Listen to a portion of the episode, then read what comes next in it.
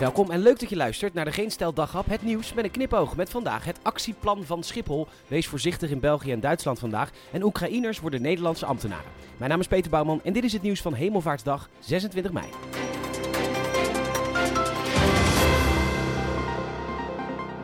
U kunt rustig slapen deze zomer. Schiphol heeft een actieplan op deze Hemelluchtvaartdag. Ja joh, het komt helemaal goed. Vier stappen. Stap 1. Personeel werven. Oh god, was dat een probleem? Nooit bij stilgestaan. Gewoon mensen werven. Doen. Stap 2 is het aantrekkelijker maken om te werken bij Schiphol. En dat willen ze doen door mensen meer te gaan betalen. Ja, je staat er niet bij stil, tenminste ik niet. Maar medewerkers van Schiphol krijgen een gratis bonuskaart voor bij de voedselbank. Dus daar gaan ze ook iets aan doen. Echt top. Stap 3 is de doorstroom van passagiers verbeteren door security coaches in te zetten. Ja, die gaan ze ook eventjes werven.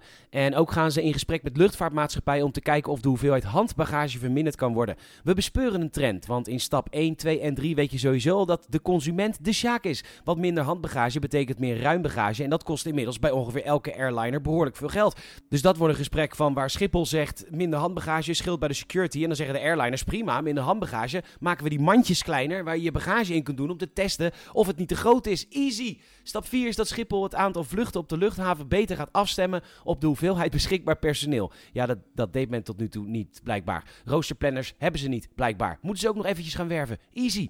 We kunnen in ieder geval er wel van uitgaan dat vliegen een stuk duurder wordt. En dat is dan niet de schuld van Schiphol. Nee, dat is overmacht.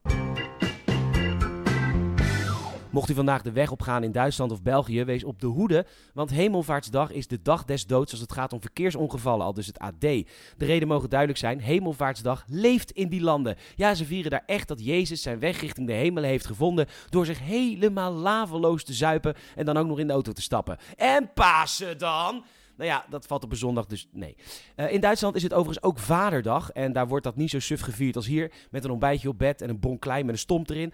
Uh, in Duitsland gaan vaders met elkaar op pad. Zonder partners of kinderen. Om zichzelf helemaal vol te gieten. Een fantastische traditie. Vieren dat je een dag geen vader hoeft te zijn zonder die beide hanteringkoters in de buurt. Een iets minder goede traditie is dat ze ook allemaal in de auto stappen. Let dus goed op. Utrecht gaat één FTE aan Oekraïners aannemen, dat meldt nu.nl. De medewerkers moeten voor de helft van hun tijd gaan meedenken over de wederopbouw van het thuisland. Uh, de andere helft van de tijd helpen ze de gemeente Utrecht, bijvoorbeeld bij telefonisch ondersteunen van toeslagenouders. Ja, dat gaat altijd even iets makkelijker als de ambtenaar van dienst de taal niet spreekt.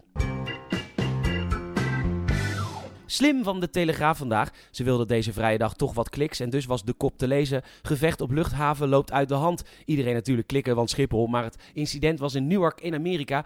De video is inderdaad wel vet, maar het nieuws is natuurlijk niet echt relevant voor hier. Dus goed gespeeld, Telegraaf.